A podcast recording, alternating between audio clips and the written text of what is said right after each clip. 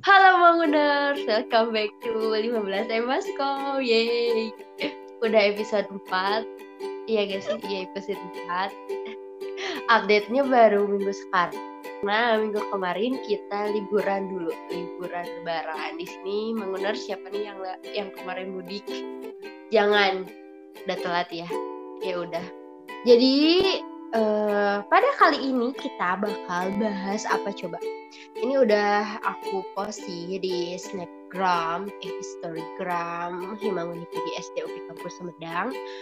Uh, minggu kemarin juga yaitu soal quarter life crisis. But kali ini aku gak akan ngomong sendiri. Emang aku gak pernah ngomong sendiri sih dari episode pertama.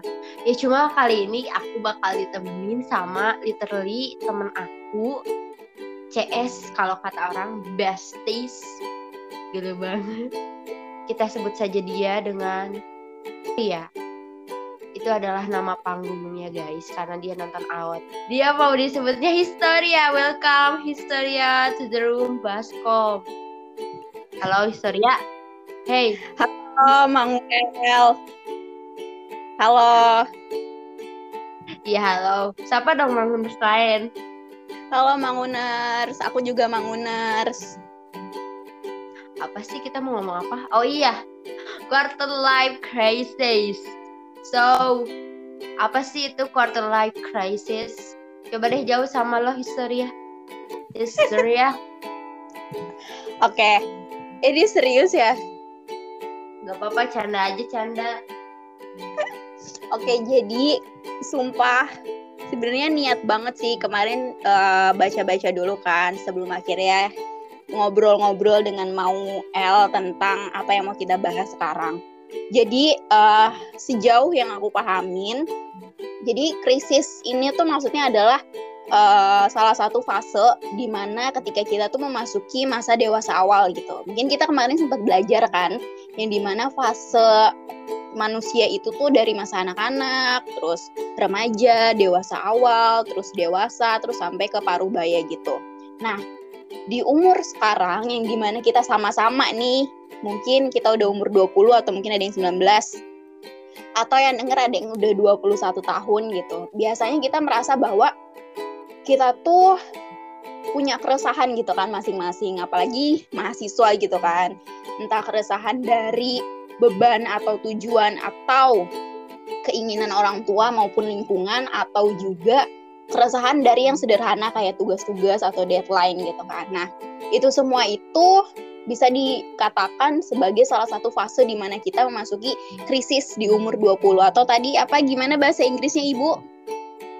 Quarter life crisis. Quarter life crisis. Itu. Jadi kurang lebih yang aku pahamin adalah itu. Jadi sebuah keresahan yang di mana kita tuh berawal dari yang sederhana sampai yang mungkin nggak sederhana gitu ya di umur-umur 20-an sampai 30-an gitu. Eh, yang aku dapetin kalau aku ya history ya dari channelnya satu persen kalian pasti udah tau lah sebagian besar mungkin karena channel ini emang sangat edukatif sekali dan aku sangat merekomendasikan kalau kalian belum tahu channel ini Nah, jadi dari yang video aku tonton, jadi quarter life crisis. Krisis emosional di rentang umur 20 sampai di mana kita tuh ngerasa terisolasi. Ah, apa sih historia? Terisolasi. Apakah kamu merasa terisolasi juga di umur saat ini?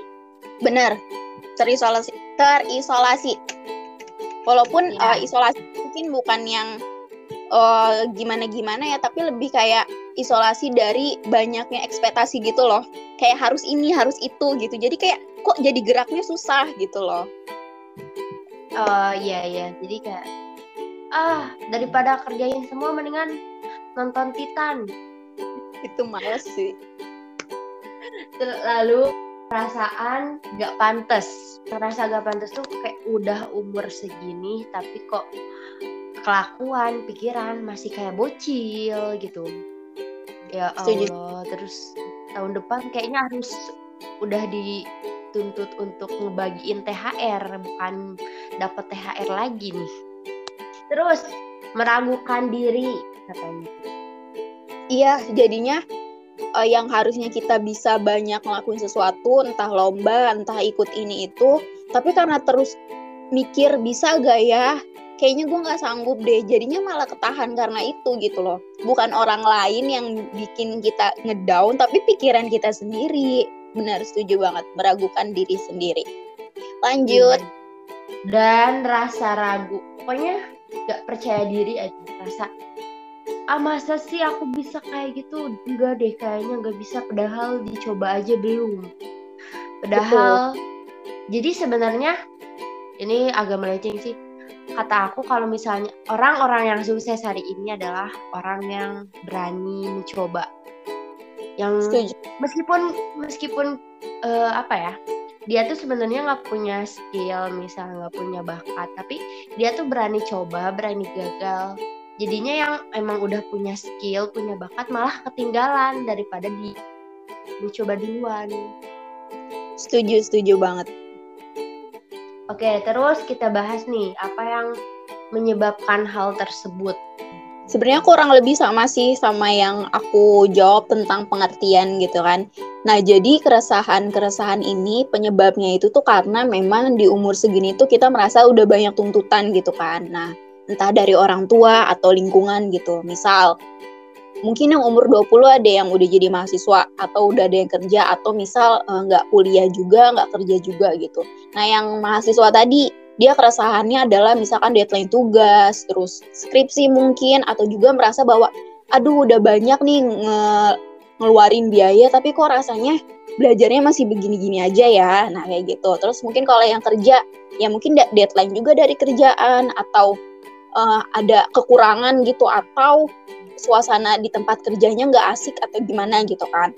Nah, terus juga mungkin yang nggak kuliah juga atau yang nggak kerja juga pasti punya keresahan tersendiri kan. Pasti merasa bahwa, aduh kayaknya beban banget deh di rumah. Aduh kayaknya harus ini, harus itu, bingung. Dan akhirnya nggak tahu mau ngapain, akhirnya stuck di situ-situ aja. Jadi memang keresahan-keresahan sih yang mulai muncul ketika kita udah di umur 20. Dari aspek mana pun sih itu.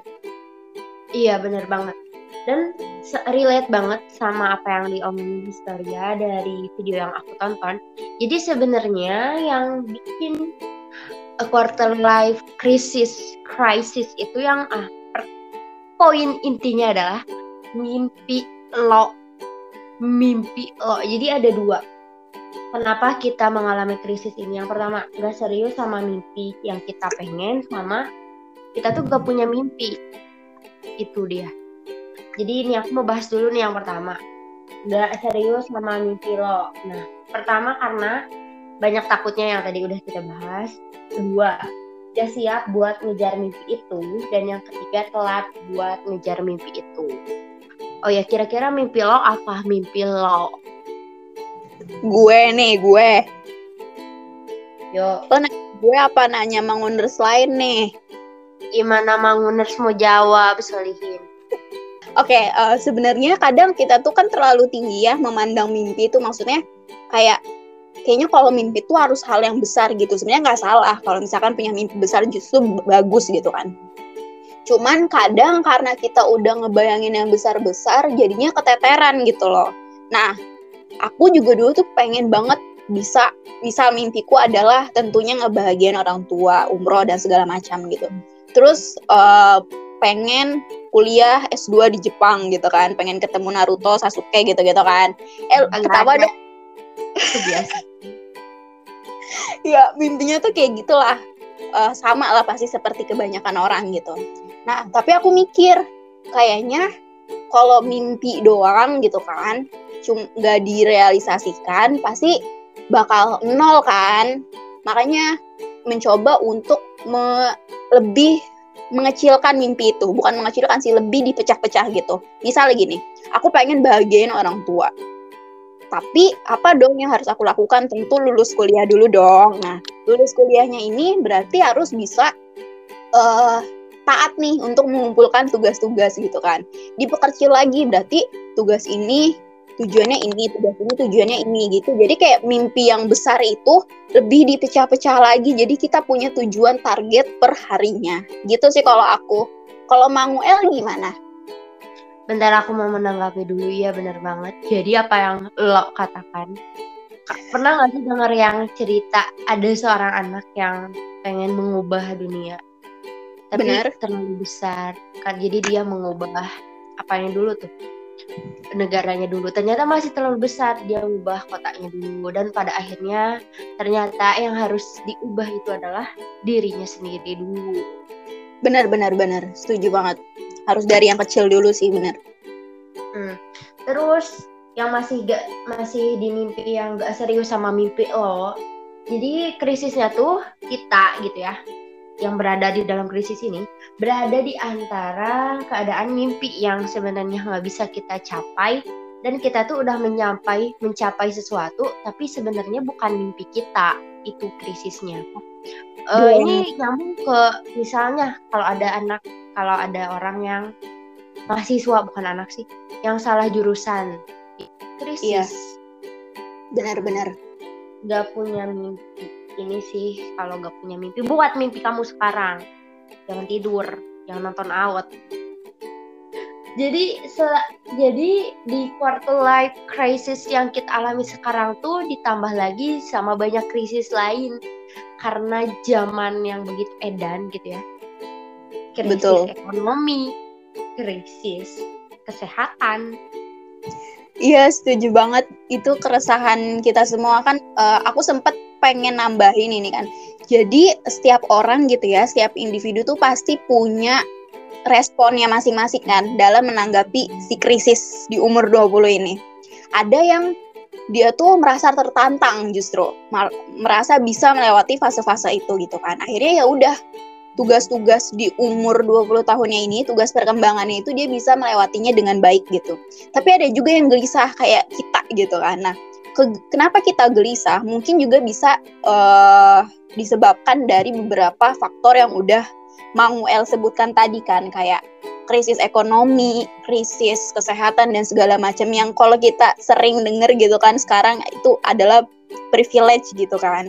Mungkin mereka yang merasa tertantang yang bisa melewati itu adalah mereka-mereka yang memang privilege-nya tuh ada gitu loh. Ekonominya baik mungkin keluarganya juga harmonis. Pokoknya yang bagus lah gitu sehingga bisa uh, memandu dia untuk melewati fase-fase itu. Sedangkan yang gelisah mungkin sebaliknya kayak ekonominya juga ngadet mungkin ada hubungan keluarganya yang juga kurang baik atau kesehatannya atau apalah dan itu memang benar-benar berpengaruh banget sih.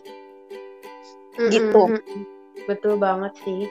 Privilege oke okay? privilege yang emang sadar gitu kalau kita tuh gak lahir di di lingkungan di privilege yang cukup menu yang yang tidak mendukung atau kurang mendukung kita harus berlari lebih ekstrak untuk keluar dari zona ini.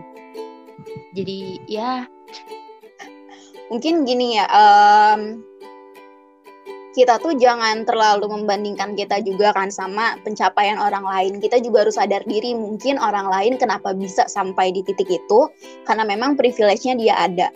Tapi uh, pikiran ini juga jangan sampai membatasi kita supaya kita juga nggak bekerja lebih keras gitu kan. Artinya yang perlu dibandingkan itu adalah diri kita sendiri sama diri kita yang dulu gitu loh mungkin dulu gue nggak bisa ini tapi sekarang gue udah bisa ini gitu. Itu tuh yang yang harusnya kita apresiasi gitu loh. Jangan malah mengapresiasinya dari diri kita uh, atas usaha orang lain gitu kan. Kalau orang lain udah begini kok gue belum bisa begini yang nggak bisa kayak gitu? Karena kan jalannya beda-beda gitu kan. Privilege-nya juga beda gitu kan. Mungkin kurang lebih kayak gitu sih Manuel itu sih jangan membandingkan diri kita supaya orang lain. Jelas jangan jangan sekarang yang jadi krisis juga di quarter life krisis ini yaitu adalah diri lo versus world. Itu pengen jadi guru. Terus misal hmm. orang kita di awal tuh gak setuju apaan sih guru gajinya sedikit, susah kerjanya, uh, hidupnya gak sejahtera kalau bukan jadi PNS. Nah, sedangkan kita tuh pengen jadi guru ya karena emang ini tuh passion gue ini tuh cita-cita gue untuk memajukan pendidikan Indonesia.